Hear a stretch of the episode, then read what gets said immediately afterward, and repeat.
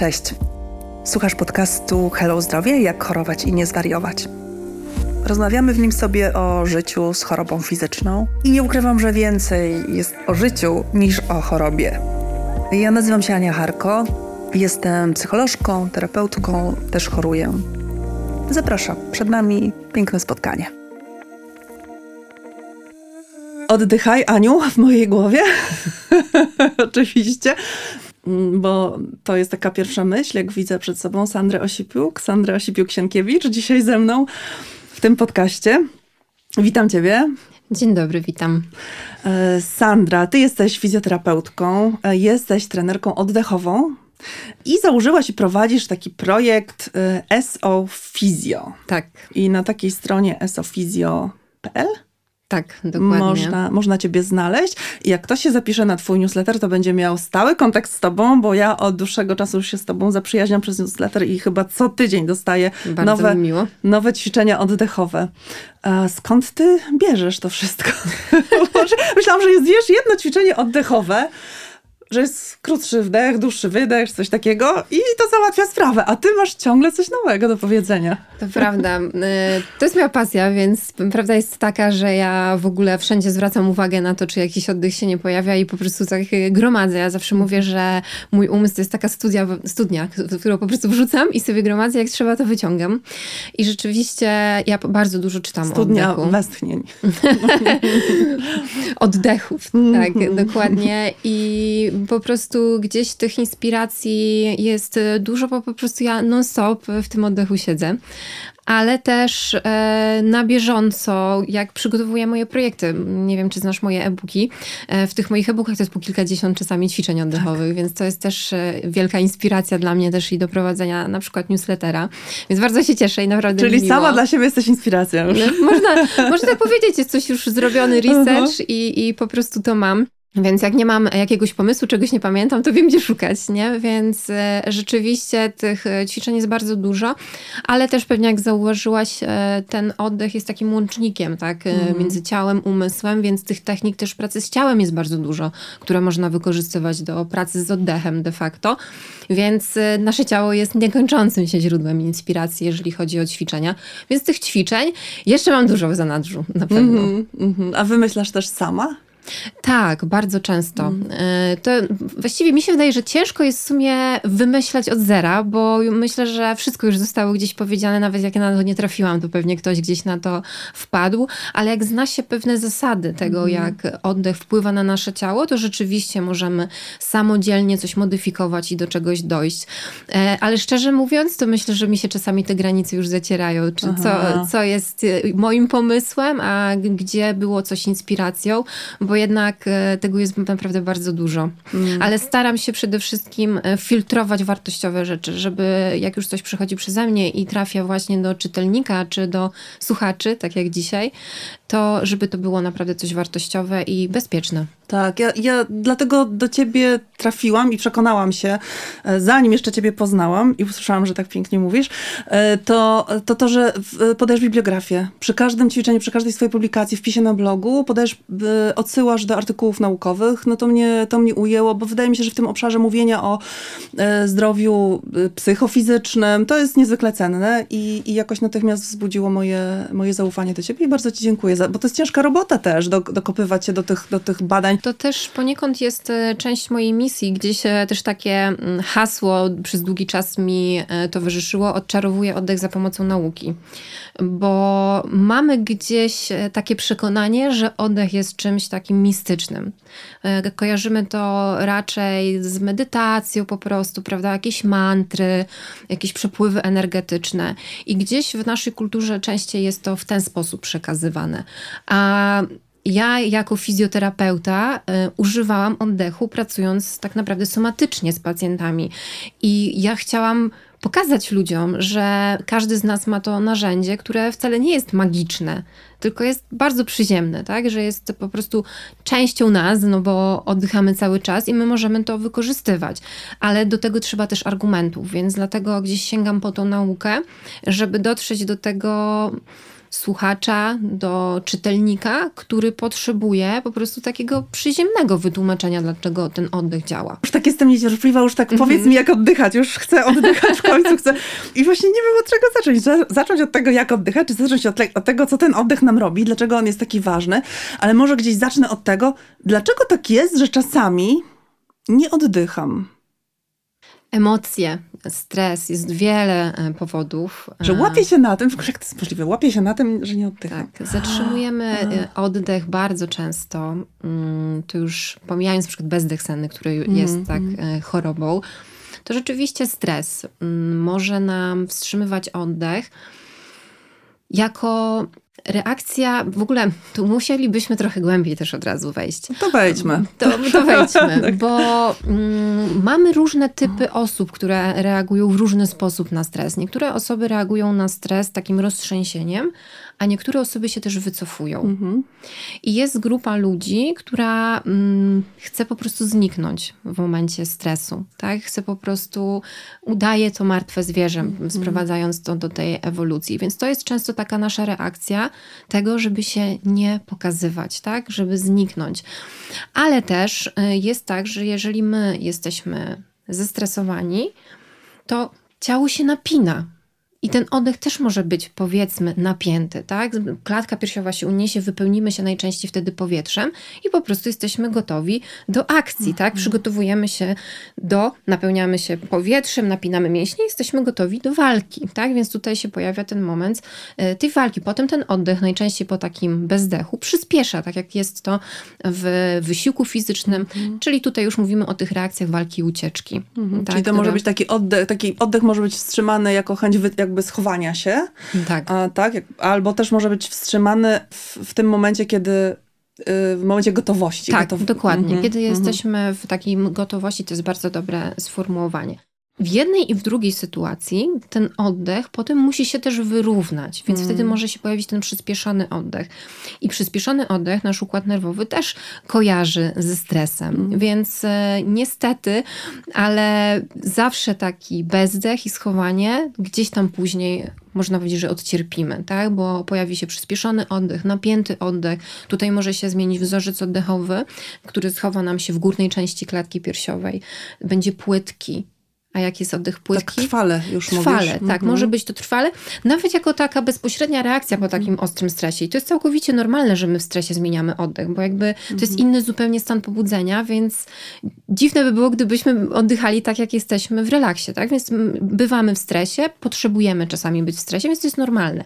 Więc taka reakcja tuż po może być czymś naturalnym, ale to się musi z czasem wyrównać. Mhm. I bardziej tutaj problemem jest to, że dzisiejsze życie, może podejście do życia, może środowisko, w jakim żyjemy, nie pozwala nam powrócić do tego balansu. Aha. I ten oddech potem jest cały czas przyspieszony. Mhm. Nie Czyli... pozwala, a dlaczego według ciebie? Że ciągle są nowe stresory? Nowe że to jest taki stresory. seria tak. mikrostresów, tak? Tak, seria mhm. mikrostresów to po pierwsze. Dwa, czasami to nie są wcale mikrostresy, mhm. bo są przecież osoby, które mają mhm. bardzo silne stresy. Mhm. I to jest po prostu przewlekły stres. Mhm. przewlekłe bodźcowanie, bo też nasz oddech zmienia się nie tylko z powodu stresu, ale też jeżeli jest gorąco, jeżeli mamy y, przygrzane środowisko, mhm. suche powietrze, przecież mamy dużo światła, to też mm, to jest dla nas pobudzające i wtedy oddech też będzie przyspieszony. Tak? Mm. Więc jakby wszystkie te bodźce, które trafiają do nas, one będą re, mm, powodowały reakcję naszego układu nerwowego, a każda reakcja układu nerwowego wiąże się ze zmianą wzorca oddechu. Po mm -hmm. prostu e, w ogóle myślę, że tutaj trzeba zacząć od tego, że nasz oddech jest zmienny. I ta zmienność jest cechą zdrowego oddechu, bo oddech musi się zmieniać w stosunku do potrzeb metabolicznych naszego ciała, mm. emocjonalnych. Więc oddech się zmienia, tylko że musi powracać do balansu. I z tym powrotem my mamy problem. Mhm. Przez te właśnie wszystkie bodźce, zmienione środowisko. Przecież nawet mówi się, że zanieczyszczenie dźwiękiem jest stresorem obecnie, prawda? Mhm. Światłem. Nie, nie mamy tej już takiej ciemności prawdziwej, tak? E, mówi się też o tym, że jeżeli chcemy się wyspać, to powinniśmy wszystkie światełka wyłączyć. A ile tych jest światełek? Tutaj w telewizorze jakieś światełko, tutaj jakieś e, przez, tak, przez okno coś tam się przybija. Także rzeczywiście po prostu warunki też życia się nam zmieniły.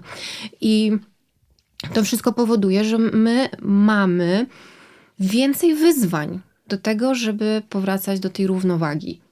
Hmm. I... Nigdy nie myślałam o tym w ten sposób, że że wszystko wpływa na oddech. Ale oczywiście, właśnie, tu od razu e, bardzo dobrze, że to mówisz, e, bo od razu to nie jest tak, że my jesteśmy ze szkła i się wszyscy, mm. prawda, zaraz poprzewracamy i tyle z tego.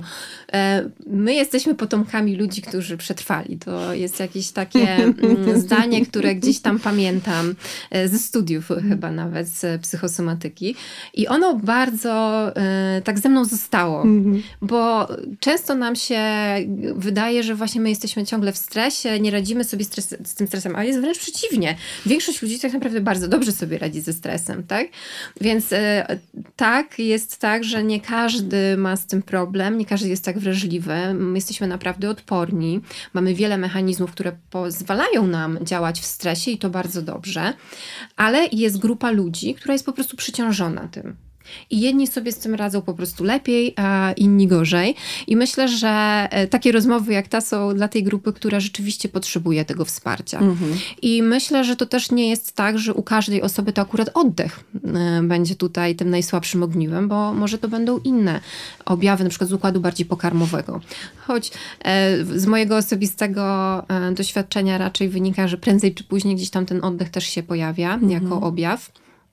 Ale wtedy po prostu jakby y, główną przyczyną jest coś innego, tak? Aha, Tego, w jakim aha. stanie jest ciało. Aha. E, bardzo to jest ciekawy punkt widzenia, bo też nie myślałam, chociaż ja z moimi pacjentami też obserwuję jakoś e, na tyle, na ile potrafię, wzorzec e, oddechowy, po to, żeby uczyć ich bardziej takiej wrażliwości, takiej samoobserwacji i umiejętności jakby zdawania sobie sprawy, czytania samych siebie po prostu. Tak, oczywiście. Natomiast nie myślałam o tym, że, że to może być jakiś, wiesz, symptom tego porównania, że coś jest nie tak z tym wzorcem oddechowym, porównać to do zaburzeń jakichś tam z układu trawiennego na przykład. Ja o tym raczej myślałam zawsze, że oddech jest po prostu doskonałym narzędziem samopomocowym. To jest e, trochę taki, e, taka historia, co było pierwsze i, jajko czy kura, prawda? E, bo rzeczywiście, mm, jeżeli mówimy o zaburzeniach oddechowych, to musimy wiedzieć, że samo w sobie zaburzenie oddechowe zmiana wzorca nie mhm. musi być zaburzeniem oddechowym. Mhm. To muszą być też generowane jakieś objawy, które spowodują, że ta jakość życia czy dyskomfort yy, oddechowy wpływa rzeczywiście na nasze zdrowie. Mhm. Bo A jakie to mogą być na przykład rzeczy? Na przykład y, to, że mam, odczuwamy po prostu duszność. Mhm. Albo bolą nas y, barki tak? Mm. I boli, boli nas kark, bo jesteśmy ciągle napięci. To mm. może być to, że mamy osłabione mięśnie stabilizacyjne ciała, tak? Bo tutaj e, przepona jako główny mięsień oddechowy pełni też funkcje stabilizacyjne. Mm. Więc, e, no i dwa, taka podatność na stres. To też jest e, jeden z objawów, czyli ta mniejsza odporność psychiczna to rzeczywiście będą już takie objawy, które świadczą o tym, że to, co się dzieje z naszym oddechem, to już wpływa na nasze życie i wtedy chcemy się tym zajmować, mhm. tak? Bo mówię, niektóre zmiany w oddechu mogą być krótkotrwałe, mogą być związane z jakimś obciążeniem ogólnego systemu, tak? Czy to psychicznie, czy, czy fizycznie i to później powinno się wyrównywać. Tylko mhm, też jest mhm. tak, że nie zawsze się to wyrównuje, bo mhm. weźmy na przykład alergię. Ktoś ma alergię na pyłki, miał katar po prostu. I więc nie, nie było tam żadnego dużego stresoru, dobrze to sobie ta osoba radzi, ale w, z powodu alergii, może nawet pierwszy raz w życiu, bo nagle coś się zmieniło i ma alergię i nie może oddychać przez nos przez dłuższy czas, przez miesiąc, dwa miesiące. Wiadomo, wchodzi tu obciążenie leczenia tego, no bo jak nie oddycha się przez noc, to i ciężko spać, więc ktoś jest zmęczony. Bardzo dużo rzeczy się nakłada. No ale potem, okej, okay, przestaje tam pylić ta bylica na przykład yy, i co się okazuje, że ta osoba nadal oddycha przez usta. Mhm, oduczyła się. Oduczyła mhm. się. A oddychanie przez usta jest obciążające już dla naszego systemu, więc wytworzył się nawyk. Mhm. Oddech jest szybki, przyspieszony, przepona nie jest tak wydolna. Zresztą to zwiększa naszą podatność też na infekcje. Sen może być gorszy, więc mamy cały zespół różnych objawów, które spowodują, że ten sam fakt niemożności oddychania czy zmiana nawyku oddechowego spowodowało, że się pojawiło takie duże zaburzenie. Mhm. I Czasami jest to taka prosta droga, żeby to rozszyfrować, co się stało, a czasami ktoś trafia po iluś tam latach problemów różnych, już wtedy nie wiemy, czy ten oddech był najpierw, czy Mhm. był potem, czy może to jest właśnie wynik tego stresu związanego z jakąś chorobą przewlekłą. W sumie może nas nie obchodzić, co było przyczyną na Mhm. jakimś tam etapie. Tylko my możemy dać narzędzia do naprawy tego oddechu, żeby ta jakość życia się zmieniła. I oczywiście tutaj e, też nie chcę, żeby było, że nieważne totalnie jaka przyczyna, tylko że może my nie jesteśmy w stanie jej zmienić, nie jesteśmy w stanie do niej dojść, ale po diagnostyce takiego oddechu, po wywiadzie, po rozmowie, możemy dobrać takie ćwiczenia, właśnie te narzędzia oddechowe, które poprawią tą jakość zdrowia i jakość życia. Mhm. Wiem, ty o tym dużo też piszesz, wiem częściowo od ciebie, to, że oddech jest bardzo mm, dobrym narzędziem pomagającym w samoregulacji emocjonalnej. I wydaje mi się, że, że gdzieś mam w głowie takie, takie dwie ścieżki, że, że, że jedno to jest ta poprawa wzorców oddechowych, to ta, ta praktyka, taka regularna praktyka zmierzająca do tego, żeby lepiej oddychać. Ona jest taką inwestycją długoterminową w zdrowie psychiczne, tak bym powiedziała. Nie tylko psychiczne, ale to mnie akurat jakoś bardzo tu interesuje. A druga ścieżka to jest to, to o czym myślę jako o kole ratunkowym. I myślę tutaj o tych wszystkich sytuacjach, wiesz, kiedy biorąc pod uwagę rzeczywistość osób chorujących przewlekle, o tych wszystkich sytuacjach, kiedy nagle się dowiadujesz y, o diagnozie, albo nagle się dowiadujesz, że nastąpiło zaostrzenie, albo się nagle dowiadujesz, że leki nie działają, albo czekasz w poczekalni na y, wykonanie, nie wiem, jakiegoś takiego trudnego badania, po którym możesz się spodziewać różnych wyników, typu rezonans magnetyczny, czy cokolwiek tam innego, USG. I ten stres jest po prostu wtedy ekstremalny i on jest tak mocny, tak bardzo cię bierze w posiadanie, że nie jesteś w stanie uruchomić, nawet jeśli byłaś wcześniej, nie wiem, na terapii, uczyłaś się restrukturyzacji poznawczej, nie wiem czego, relaksacji, nie jesteś w stanie sięgnąć po narzędzia, do których potrzeba uruchomić myślenie, krótko mówiąc. I tak sobie myślę, że oddech jest czymś, co jest tak naprawdę najbliżej nas. W automacie można po to sięgnąć, naprawdę nie myśląc, naprawdę w tym strasznym takim kołowrocie stresu. No i jakoś się troszkę stonować. To może zacznę od tego, że dużo łatwiej będzie nam znosić takie nagłe stresy, Mhm. jeżeli zadbamy też o siebie długoterminowo, czyli to Okej. będziemy mieli odporność psychiczną po prostu Mhm. większą. I tutaj rzeczywiście też jest tak, że zaburzenia oddychania, które towarzyszą nam na co dzień, sprawiają, że ta odporność psychiczna jest mniejsza. Więc jak najbardziej o tą higienę umysłu, e, higienę antystresową powinniśmy dbać na co dzień, więc w ogóle mi się wydaje, że to powinna być taka po prostu rutyna codzienna każdego człowieka, ale są też techniki, jak najbardziej, które możemy właśnie w takich ciężkich sytuacjach obciążenia takiego ekstremalnego używać. Mm, I oddech rzeczywiście jest tutaj dla nas e, najlepszą, mm, najbardziej dostępną może techniką, którą mamy. Ale to też trzeba wcześniej zrobić, więc y, dzisiaj może właśnie słuchając... Wcześniej przećwiczyć, żeby potem żeby sięgnąć. był automat, No bo właśnie, ta mhm. sytuacja, o której mówisz, że nie myślimy, Mhm. to nie jest sytuacja, w której zaczniemy tak sobie, hm, co, jakie techniki znałam? Gdzieś tam na YouTubie Tak. widziałam tak, Dokładnie, to musi być coś, tak. co będzie takim automatem, co nam przyjdzie. I ja tutaj zawsze proponuję, jeżeli wcześniej nie mieliśmy żadnej styczności z treningiem oddechowym, pracowaliśmy ze swoim oddechem, to po prostu stopniowo zacząć wydłużać wydech. Bo wydech jest tą częścią e, faz oddechowych, które powodują właśnie to obniżenie poziomu stresu. To mówimy też o tym, że to jest właśnie ta część, która stymuluje nerw błędny, nerw błędny, który jest odpowiedzialny za e, układ przywspółczulny, układ, który jest układem e, odpowiedzialnym za relaksację, tak? Więc tutaj ten wydech może pomóc nam obniżyć poziom stresu. Więc proste wzięcie wdechu nosem i nawet zrobienie takiego długiego wydechu przez lekko zaciśnięte usta, mówiąc fy albo fy, po prostu jak najdłużej i sobie stopniowo. I to jest bardzo ważne, żeby ten wydech był długi, bo jeżeli zaczniemy oddychać głęboko w ten sposób, to się zhiperwentylujemy i my ten stres wtedy możemy wzmożyć. Ten stres może wtedy zrobić się większy, nawet może doprowadzić to do ataku hiperwentylacji i paniki. Więc spokojny, długi wydech, delikatny, jakbyśmy mieli przed sobą takie małe piórko. Możemy teraz sobie tak wyobrazić, że gdzieś przed nami na stole leży takie malutkie, delikatne piórko i my chcemy tak delikatnie dmuchnąć na to piórko przez te lekko zaciśnięte usta, że ono nie zostanie zdmuchnięte, tylko ono delikatnie będzie sobie w tym miejscu tak się turlać e, czy unosić się, tak? Więc to musi być naprawdę taki delikatny, subtelny, długi wydech. Mhm. Jakieś stresie... proporcje między, między tym wdechem a wydechem mieć w głowie, czy to... Czy znaczy to... tak, e, mówi się o tym, że dobrze by było, żeby to było takie od półtora razy do dwóch razy dłuższy ten mhm. wydech, ale ja osobiście uważam, że w takim silnym stresie my nie jesteśmy w stanie liczyć. liczyć. Tak. Po prostu dłuższy niż wdech. Mhm. Bierzemy naturalny wdech, też go nie pogłębiamy i po prostu staramy się, żeby ten wydech był dłuższy niż ten wdech, który my przed chwilą zrobiliśmy. Każdy też z nas troszeczkę inaczej oddycha, więc ciężko jest powiedzieć, że na pewno w tym momencie twój wdech ma być na 4, wydech na 8, tak? Mhm.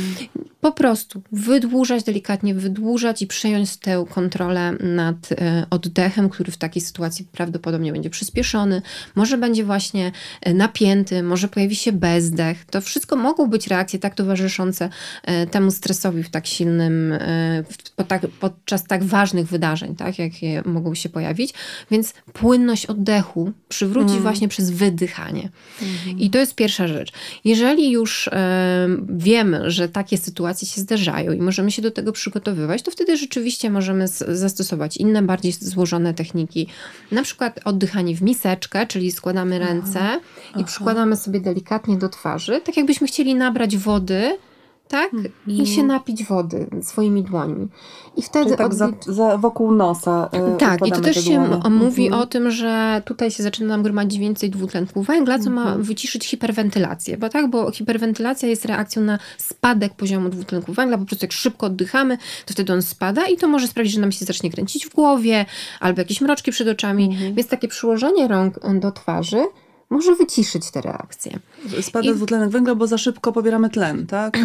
Wtedy. Nie, za szybko wydychamy A, po prostu. Okay. Jest po prostu cały czas wydychanie, mhm. wydychanie, mhm. wydychanie i wtedy ten tlen jest uwięziony w naszej krwi, tu się mówi o tak zwanym paradoksie tlenowym i przy niskim e, poziomie dwutlenku węgla zwiększa się wiązanie czerwonych krwinek z tlenem, więc wtedy de facto jesteśmy niedotlenieni. Więc stąd te też mroczki przed oczami, czasami uczucie takiego mrowienia, bo też zwężają się naczynia krwionośne, kiedy się hiperwentylujemy. Mm. Więc myślę, że możemy sobie przypomnieć jakieś tam e, imprezy, gdzie się pompowało dużo balonów i że mm. nagle tam gdzieś się gdzieś e, kręci się w głowie, tak, się robi niedobrze, to właśnie z tego powodu.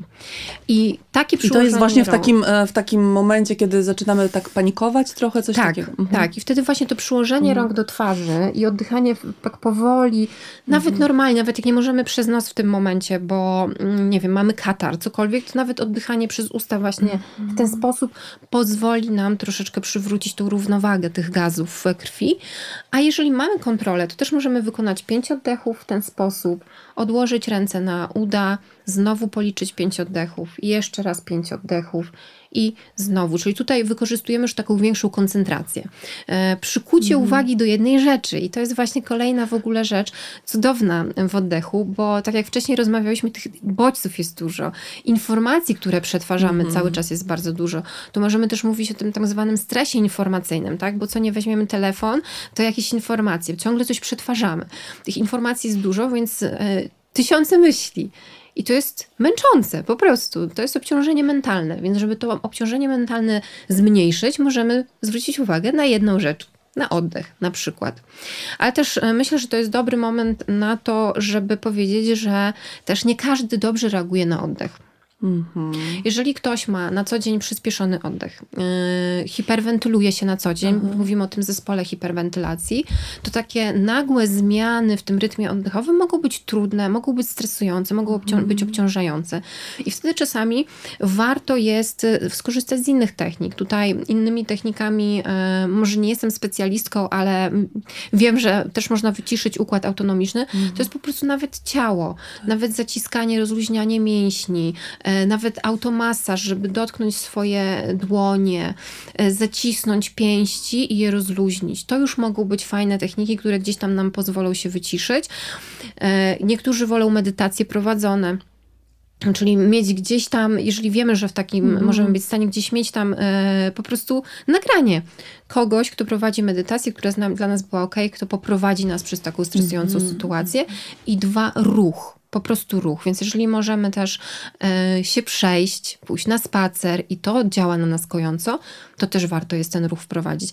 Więc e, oczywiście oddech jest e, wspaniałym narzędziem i tutaj zawsze rekomenduję zacząć, ale czasami znalezienie tej odpowiedniej techniki może być trochę dłuższe dla, dla każdej osoby, więc żebyśmy mieli świadomość, że można też sobie pomóc w inny sposób. Mm -hmm, mm -hmm. Oddech nie dla każdego. Tak od razu przychodzi mi do głowy takie pytanie o, o to, czy są jakieś e, sytuacje właśnie, nie wiem, sytuacje chorób albo, albo momenty w, w, w, życiu osoby chorującej przewlekle, gdzie trzeba uważać e, z wprowadzaniem tak, nowych... Tak, jak najbardziej, e, mhm. bo te techniki, jak już wspomniałam, techniki oddechowe, one wpływają na układ autonomiczny.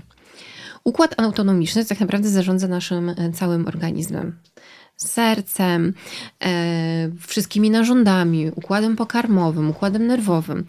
Więc tutaj są techniki, które są bardzo intensywne oddechowe, na przykład oparte o hiperwentylację, bo są takie. -hmm. Tutaj na przykład jest e, bardzo popularna metoda Wima Hofa, która jest oparta właśnie o takie silne hiperwentylowanie. O, to ten, co się mrozi? Tak, o, tak. Tam też właśnie e, elementem tej, bardzo ważnym elementem tej metody jest mhm. właśnie ekspozycja na zimno.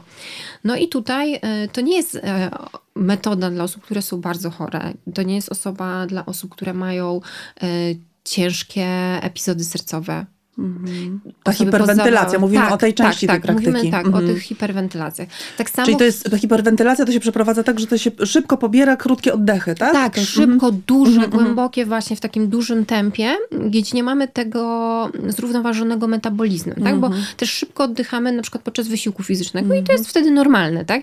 Ale mówimy o tym, że tak jakbyśmy my teraz chciały Aha. szybko zacząć głęboko oddychać. To są fajne techniki, ale one są powiedzmy dla osób zdrowych. Tak, mm -hmm. jakby tutaj myślę, że mm, też gdzieś tam jak popularnie gdzieś tą metodę się obserwuje, to są głównie młodzi sportowcy czy sportowczynie, osoby, które są po prostu aktywne. Mhm. A czemu służy ta technika? E, to są też tych które mogą nam wesprzeć naszą odporność, które mm też mhm. łagodzą stres, zmniejszają naszą odporność mm psychiczną, bo tutaj mamy e, dwa dojścia do tego, żeby wygimnastykować nasz układ okay. nerwowy. Możemy zaczynać od hipowentylacji, czyli wolnego oddechu lub od hiperwentylacji. Mm -hmm. Więc tutaj jakby są, um, chcemy wykorzystać te mechanizmy wyrównywania, szczególnie zmian biochemicznych w krwi, mm -hmm. bo nasza y, krew, właściwie nasz organizm potrafi buforować wszystko, sprowadzać do tego, y, do tej równowagi pH. Mm -hmm. I my mhm. możemy wejść w zasadowicę oddechową i sobie nam organizm poradzi właśnie poprzez hiperwentylację albo przez kwasicę. I po mhm. prostu to są takie stymulatory dla tych wszystkich mechanizmów wyrównawczych do osiągnięcia homeostazy. Okay, czyli, czyli wchodzimy czyli w obciążenie, żeby mm, przy, nauczyć ciało wchodzić Czyli to jest tak, jak powiedziałaś, gimnastyka, to jest tak. jakby sto, yy, chodzi o, o, to, że, że tak naprawdę dobrze funkcjonujący organizm, też na poziomie oddechowym, to jest organizm, który się charakteryzuje elastycznością. Dokładnie, mm. dokładnie. I my chcemy po prostu wyjść z tej strefy równowagi, komfortu, żeby mm -hmm. nasze mm -hmm. ciało pod obciążeniem nauczyło się okay, pracować. Okay. I też są techniki hipowentylacji, czyli mm. wstrzymywania powietrza, które też powodują właśnie zmiany w pH, czyli tutaj mówimy już o kwasicy, co też jest silnym bardzo bodźcem. Jest tutaj kobiety w ciąży absolutnie nie mogą też tego mhm. wykonywać.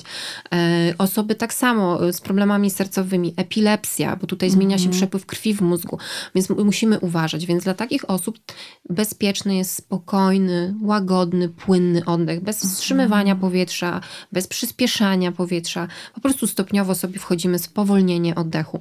Często też dla osób, które mają zaburzenia oddychania pod postacią hiperwentylacji, to już sam fakt oddychania tylko nosem przez dłuższą mm, chwilę jest treningiem.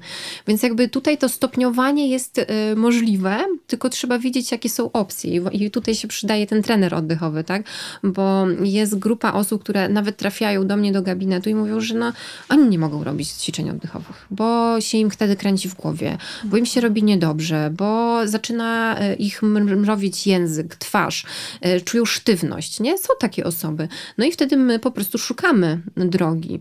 Więc e, dlatego też wiele ćwiczeń, które gdzieś tam popularnie się mówi, to są najprostsze wersje tych ćwiczeń. Mm -hmm.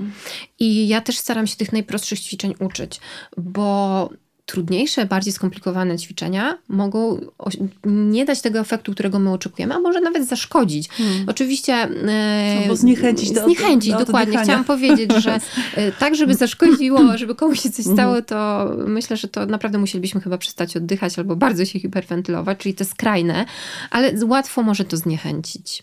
I tutaj dobór tych ćwiczeń e, no, leży po stronie kogoś, kto te ćwiczenia prowadzi.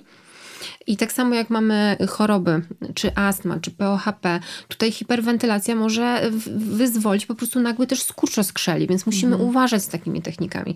A nie zawsze ktoś, kto prowadzi e, trening, chce kogoś zhiperwentylować tylko niechcący to robi, mm -hmm. tak? Bo tutaj też próg e, tego pobudzenia dla każdej osoby jest trochę inny. I myślę, że to jest najczęstszy błąd, e, jaki widzę u osób, które próbują gdzieś tam prowadzić na swoich zajęciach, Aha. czy w gabinetach właśnie um, trening oddechowy to właśnie to, że niechcący hiperwentylują swoich mm -hmm. pacjentów. E, ja szkolę właśnie dużo trenerów e, i innych fizjoterapeutów. I psychoterapeutów I też, też, widzę. też tak, mm -hmm. tak, i mhm. psychoterapeutów.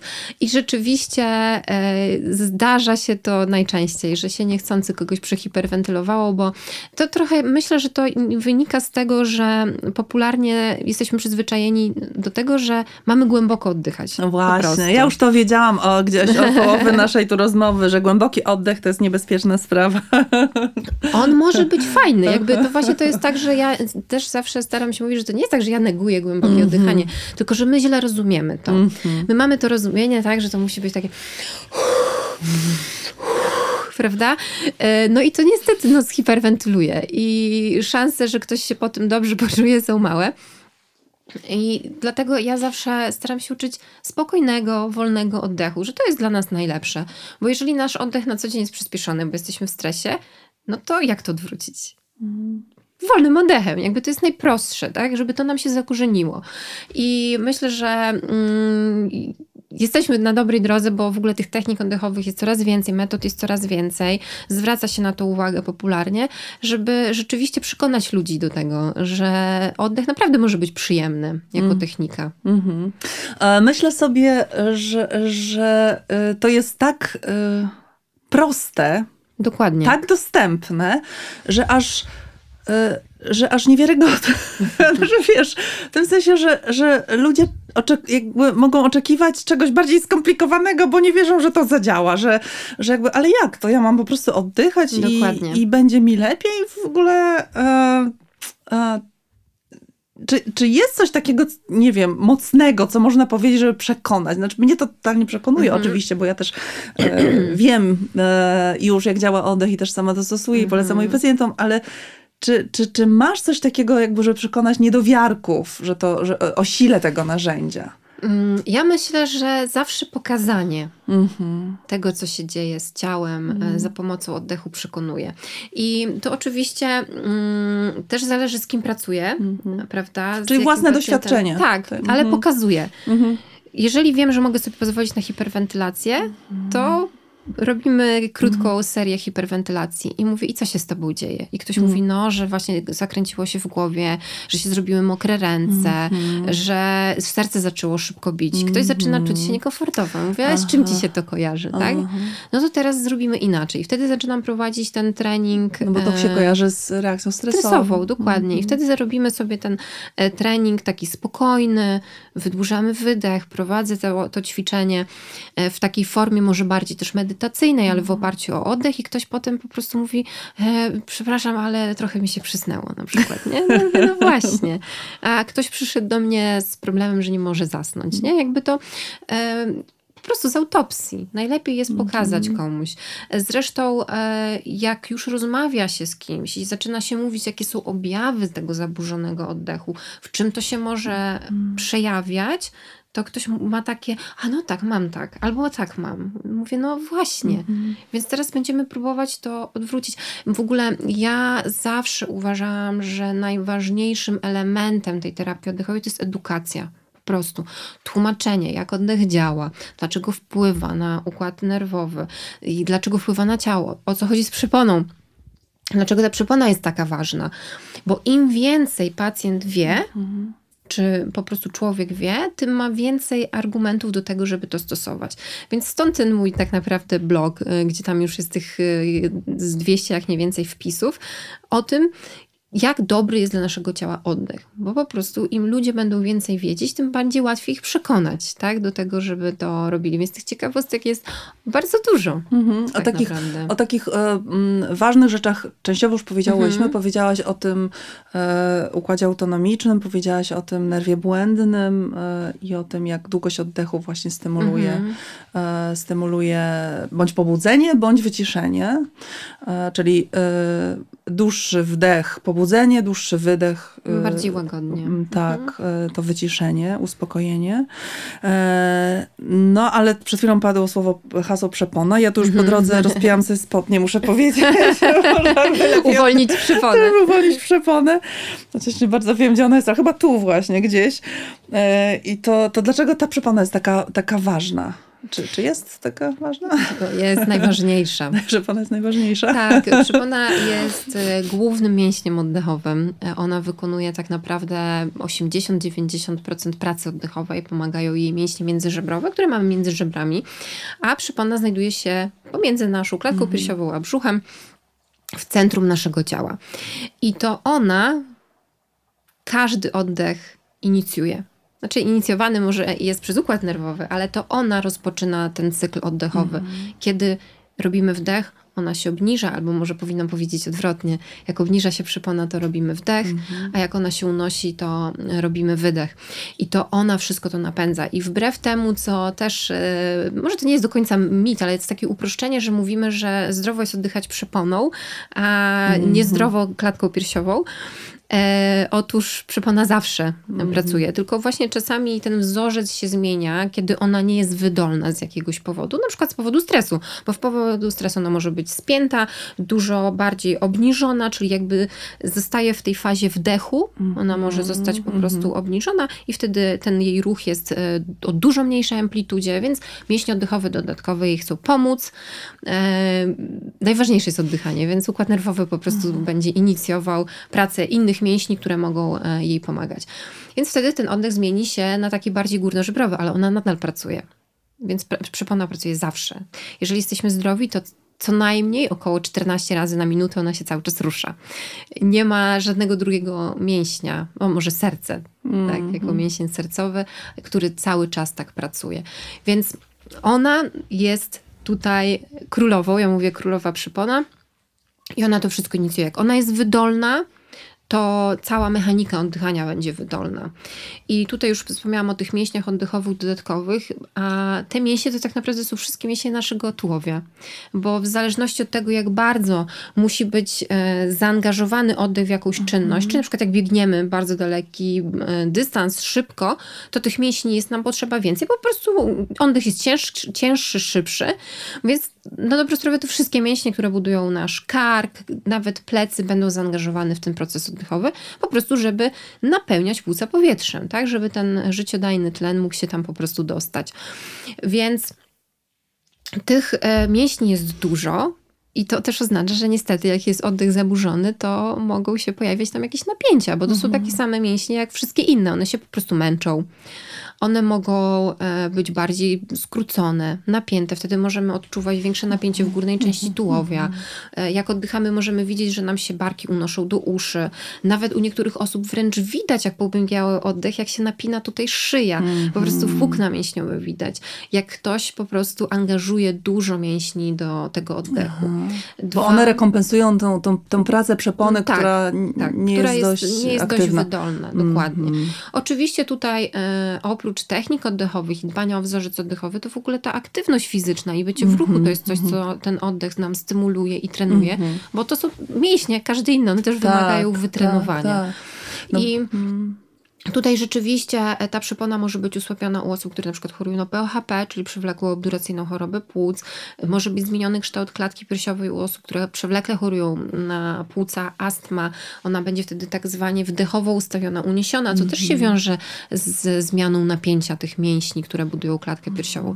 Więc e, można powiedzieć, że te zmiany oddechowe się będą w naszej sylwetce przejawiały i w tym, jak, jak my funkcjonujemy na co dzień. E, pomina, pomijając w ogóle e, wszystko inne, co jest związane z utrzymywaniem stabilności naszego ciała, bo tutaj przypona pełni funkcję stabilizatora. Ona zarządza tak zwanym ciśnieniem wewnątrzbrzusznym. Mamy taki cały cylinder mięśni, e, mięśnie brzucha, mięśnie przykręgosłubowe, mięśnie na miednicy, bardzo ważne i przypona, które zarządzają ciśnieniem, które jest w centrum naszego ciała. Można pomyśleć o tym jak takiej amortyzacji. Mm. To stabilizuje nam kręgosłup. Zresztą przypona przyczepia się do kręgosłupa w odcinku lędźwiowym. I to wszystko jest potrzebne nam do tego, żebyśmy byli stabilni. Zwyczajnie. My to wykorzystujemy na co dzień często. Jak chcemy podnieść coś ciężkiego, to co robimy? tak? Wstrzymujemy oddech. Zresztą robimy podobne manewry też e, w toalecie, tak? Więc to nie jest bez powodu. Mm. Kobieta to do porodu wykorzystuje to mm-hmm. tłocznię brzuszną tak zwaną.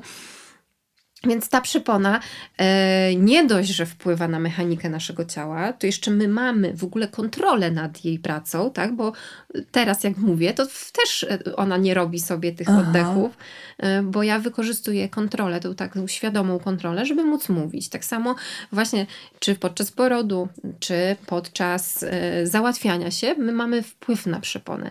Więc to, że my mamy wpływ na to, jak pracuje przypona, daje nam tą kontrolę oddechu, spowolnienia oddechu, wydłużenia wydechu, czyli to przypona mhm. pozwala nam wyciszyć układ nerwowy. Też się mówi o tym, że sama przypona jest unerwiona przez nerw błędny. Ten nerw, który jest odpowiedzialny za układ przyspółczulny.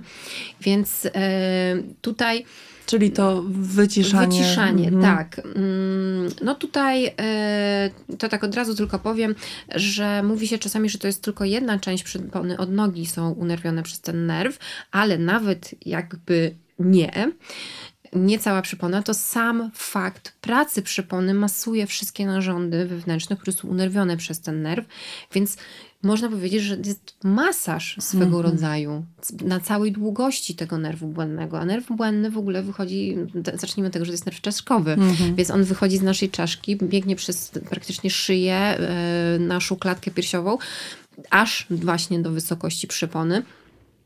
A przypona tutaj funkcjonalnie nawet współpracuje z mięśniami na miednicy, więc można by się pokusić, że naprawdę e, to jest cały kompleks tak, naszego ciała, który jest stymulowany przez to rytmiczne oddychanie. Mm-hmm. Bo tak jak mówiłam, to jest 14 oddechów na minutę, więc możemy sobie wyobrazić, że taki tłok 14 razy na minutę masuje nam tam wszystko, łącznie z tym nerwem, który jest e, odpowiedzialny za poczucie mm. relaksu. Mm. Także ten... No ja się tak zasłuchałam mm-hmm. o tym cudzie, cudzie ciała mojego. Nasz, tak, to jest cud natury e, w ogóle. Mm, to jak e, pięknie to wszystko i, tak, i oddech, jak to wszystko tak. współpracuje. Kiedy, kiedy mówiłaś o tym, e, że przepona nie zawsze jest wydolna i że inne mięśnie przejmują jej funkcję, pomyślałam sobie o takiej, o tych wszystkich mm, sytuacjach, kiedy długo leżymy albo kiedy choroba po prostu tak przebiega, że w pewnym momencie -hmm. już nie możemy w innej pozycji, albo właśnie siedzimy długo, że to pewnie też jakoś wpływa na ten wzorzec, zaburzając go. Niestety um, tak. Mm, tutaj w ogóle y, osoby, które są długo leżące, w ogóle ta praca mięśni, w ogóle wszystkich całego ciała, tak, mhm. wchodzą w atrofię, więc one są wszystkie osłabione.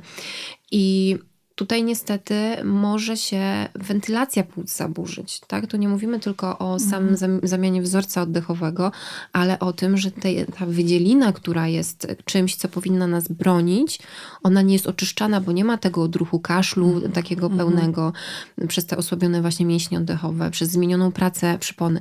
Więc u osób leżących szczególnie ważne jest zachowanie tej funkcji oddechowej, taki trening typowo oddechowy, wspierający też tą stabilizację stabilizację ciała, bo mhm. nawet jak jesteśmy przykuci do łóżka, to możemy zmieniać tę pozycję ciała, żeby te mięśnie posturalne, które wspierają przeponę, żeby ona nadal pracowała. Nadal możemy próbować e, trenować te długie wydechy. Wydechy, które pozwolą nam oczyszczać płuca, to jest bardzo ważne. Pionizacja, która powinna być cały czas też utrzymywana, właśnie żeby te płuca się lepiej wentylowały. Więc e, to nie jest moment w żadnym wypadku, że tutaj można przestać e, nad oddechem pracować, a wręcz trzeba. Mm -hmm, I mm -hmm. oczywiście tutaj jest e, ten kolejny element e, bardzo ważny, czyli ta regulacja stresu w takiej mm -hmm, sytuacji. Tak. tak, tak, tak. Powiedziałyśmy, powiedziałaś tutaj, podałaś dwa ćwiczenia takie na te sytuacje mm -hmm. nagłe, ale jeśli chodzi o taki mm, długotrwały trening oddechowy, rozumiem, że to jest -hmm. indywidualna sprawa, ale czy mogłabyś jakoś zasugerować jakąś, jakąś uniwersalną praktykę, czy uniwersalne podejście? E, trening wspierający właśnie -hmm. pracę przypony, tak zwany oddech dolnożebrowy, to jest trening e, podstawowy, który wspiera pracę przypony jako mięśnia również posturalnego i wykonujemy to tak naprawdę bardzo prosto. Kładziemy kładziemy sobie ręce na dolnych żebrach. Ja tutaj mm. pokazuję, e, no, ja nie wykonuję. widzicie, ale tak, ale kładziemy ręce sobie na dolnych mm. żebrach. Pilnujemy tego, żeby były rozluźnione barki. Wiele osób od razu na początku mm. będzie miało lekko uniesione. Dobrze jest um, stabilnie postawić też nogi i delikatnie wyciągnąć sobie czubek głowy do sufitu. Tu uważamy, żeby nie przegiąć pleców też do, bardzo do tyłu, żeby to była taka wyprostowana, ale nie napięta sylwetka i bierzemy wdech nosem, kierując powietrze i ruch pod nasze dłonie, które są na dolnych żebrach. Bierzemy sobie spokojny mm. wdech. Powinniśmy poczuć, jak żebra zaczynają napierać na nasze. Mm, Sandra, u ciebie to się tak rozszerzyło, jak taki wachlarz. Spokojnie. I z kolejnym wydechem. coś w tym jest. E, z kolejnym wydechem mm. będzie nam coraz łatwiej, bo jak my mm. opróżnimy teraz, robiąc wydech, to nam się te żebra zejdą Zrobimy długi wydech. One opadną. I kolejny wdech mm -hmm. będzie dużo wyraźniejszy. Rozejdą nam się pięknie i wtedy wiemy, że klatka piersiowa zwiększyła swój wymiar. Mm -hmm. I tutaj tak, mhm. na początku możemy czuć, że gdzieś tam się napina górna część klatki ciała, jeżeli e, klatki piersiowej. Więc jeżeli e, tak się dzieje, nie martwmy się. Cały czas tego używamy, więc system po prostu uważa, że musi to używać. Jeszcze można powiedzieć, że jeszcze nie wie, że przypona zaczyna lepiej pracować, więc spokojnie dajemy sobie czas. Rozluźniamy barki, pozwalamy im się rozluźnić, próbujemy jeszcze raz. I pamiętamy o tym długim wydechu. Tu nawet możemy robić ten wydech właśnie tak mm. silniej do końca, żeby poczuć, jak zaczynają napinać nam się mięśnie brzucha. Bo jeżeli my poczujemy te mięśnie brzucha, jak opada nam klatka piersiowa, schodzą się te żebra, to znaczy, że my opróżniliśmy płuca z powietrza, które tam zalega, jeżeli my oddychamy szybko i płytko. No bo jak oddychamy szybko i płytko, to nie ma czasu, żeby wydychać to stare powietrze, nazwijmy to w ten sposób. Więc jeżeli my zrobimy ten wydech taki długi, mocny, ale powolny, to wtedy będzie więcej miejsca dla powietrza. Po prostu nowego, świeżego. I wtedy ten też ruch będzie większy. Także dajemy sobie tutaj naprawdę taki spokojny czas, żeby ten mhm. wydech był długi i naprawdę 3 do 5 oddechów i to już jest fajna technika oddechowa. Mhm. Ona wspiera I codziennie. właśnie... Codziennie coś takiego. Codziennie. Najlepiej mm -hmm. byłoby codziennie, jeżeli się uczymy tego robić. Jeżeli potrzebujemy, bo jesteśmy w stresie też, to się może sprawdzić, bo tutaj mamy ten element tego długiego wydechu, mm -hmm. pogłębionego wdechu w tym dobrym właśnie mechanizmie, czyli z tych dolnych żeber. Wtedy wiemy, że przepona wywinęła nam żebra, obniżyła się, bo y, dlaczego ten oddech dolnożebrowy jest taki ważny? Dlatego, że on wspiera tą funkcję przypony żeby zaszło nabranie powietrza do naszych płuc, to musi się zwiększyć wymiar klatki piersiowej, tak? Bo wtedy spada w niej ciśnienie. To jest e, fizyka. Mm. Zwiększa się objętość, więc spada ciśnienie, więc zostaje wtłoczone powietrze. A jak ona jest spięta i ona się prawie nie rusza, mm no to nie ma zmiany tych ciśnień, więc my musimy uwolnić klatkę, tak? Zrobić ten wdech, żeby te żebra się uniosły, zrotowały na zewnątrz. To nawet jak trzymamy się tak na w talii i mamy jeszcze kciuki z tyłu na tylnych żebrach, Aha. to też możemy poczuć, że aż tam się ten ruch zaczyna pojawiać. To wtedy mówimy o tym oddechu 360 stopni, czyli oddechu, który poprzecznie wypełnia nasze ciało. Więc nawet warto pamiętać o tym, że zdrowy oddech to jest taki, który wypełnia nas w poprzek, a nie do góry. Bo jeżeli czujemy, że mhm. zaczynamy do góry rosnąć, to wtedy może właśnie korzystamy nadmiernie z tych mięśni oddechowych dodatkowych. Więc e, oddychanie to dolnożemrowe, przeponowe to też jest taka podstawa, którą warto znać. I na tym powinniśmy budować swój oddech. Wszystkie techniki, one wychodzą z tego spoczynkowego oddechu, który właśnie jest tym oddechem dolnożebrowym, a tak jak wcześniej mówiłam, oddech się zmienia, więc to, że czasami unoszą się barki, to jest mhm. normalne, czasami, że bardziej oddychamy całą klatką piersiową, to jest normalne, bo na przykład jak siedzimy, to nasza przypona jest zgnieciona. A jak jeszcze mamy wysokie spodnie, to już całkiem. Więc wtedy nie ma innej opcji, do tego, niż oddychać tak do tej górnej części i wtedy może to być taka naturalna reakcja. Więc raczej obserwujemy się pod tym kątem, czy my potrafimy w każdej jakiejś sytuacji powrócić do tego oddechu przeponowego. Kiedy mówiłeś o, tej, o, ty, o tym robieniu miejsca na, o, na oddech, pomyślałam, że efektem musi być to, że my po prostu mamy więcej tlenu do dyspozycji i w organizmie Tak. i lepiej go możemy, e, nie wiem, wykorzystać. Wykorzystać, dokładnie. Myślałam sobie, yy, oj, może to będzie trochę karkołomne, ale gdzieś, wiesz, przyszło mi do głowy, w, w, jakby w życiu osób y, z chorobami um, przewlekłymi często jest temat zmęczenia bardzo ważnym tematem. Pomyślałam sobie od razu, że może ten oddech i to lepsze wykorzystanie tlenu może być jakimś rodzajem Oczywiście. w niektórych sytuacjach y, właśnie Mm, tak. E, nie wiem, wspomagania, e, wspomagania siebie, żeby, żeby, żeby, żeby jakoś Jednym radzić z tym zmęczeniem. objawów e, Mhm. zaburzeń oddechowych Aha. jest to przewlekłe też zmęczenie, Mhm. szczególnie kiedy mówimy o tej hiperwentylacji. Bo problemem w hiperwentylacji jest e, tak naprawdę niedotlenienie. Mhm. Bo my tu mówimy o tym szybkim i takim płytkim oddechu, ale to jest bardziej jakby mechanizm tego, co się dzieje. Ale efektem jest właśnie to niedotlenienie. Szybki, płytki oddech właśnie powoduje te zmiany w pH krwi, o których wcześniej mówiłam, więc nie mamy dostatecznych ilości tlenu transportowanych do naszych komórek, zwężają się naczynia, które transportują krew do naszego mózgu, więc to takie zmęczenie mentalne też e, może być z tym związane. Dwa, po prostu niedotlenienie wszystkich komórek. Więc spowolnienie oddechu, przywrócenie takiego pełnego oddechu wyrówna nam te zmiany biochemiczne, które powodują, że ten tlen nie trafia do tych komórek. I tutaj w ogóle myślę, że też warto dodać, że wolne oddychanie może dostarczyć nam więcej powietrza niż szybkie oddychanie, bo wtedy oddychamy na większej objętości, a nie na tej małej płytkiej gdzieś tam tutaj z górnych części płuc. Więc nawet jeżeli wydaje nam się, że tego oddechu nie zmienimy, że przecież cały czas gdzieś jest to napięcie, to nawet danie sobie minuty, trzech minut z wolnym oddechem, to będzie oznaczało, że gdzieś tam tego więcej tlenu trafi, nie? że więcej krwi trafi też do mózgu. Więc naprawdę warto mieć właśnie tu taką uważność i świadomość oddychania Tak, tak. e, i możliwość zmiany tego oddechu, który jest właśnie tym oddechem zestresowanym, takim napiętym. Będziemy zamykać naszą rozmowę, która była dla mnie bardzo fascynująca. Powiem, z czym ja zostaję y, dzisiaj, bo w, o wielu rzeczach bardzo cieszę się, że powiedziałaś i to jakby utwierdza mnie na pewno w, w tym, żeby z moimi pacjentami pracować z oddechem, żeby uczulać ich na świadomość oddechu, oczywiście u samej siebie także.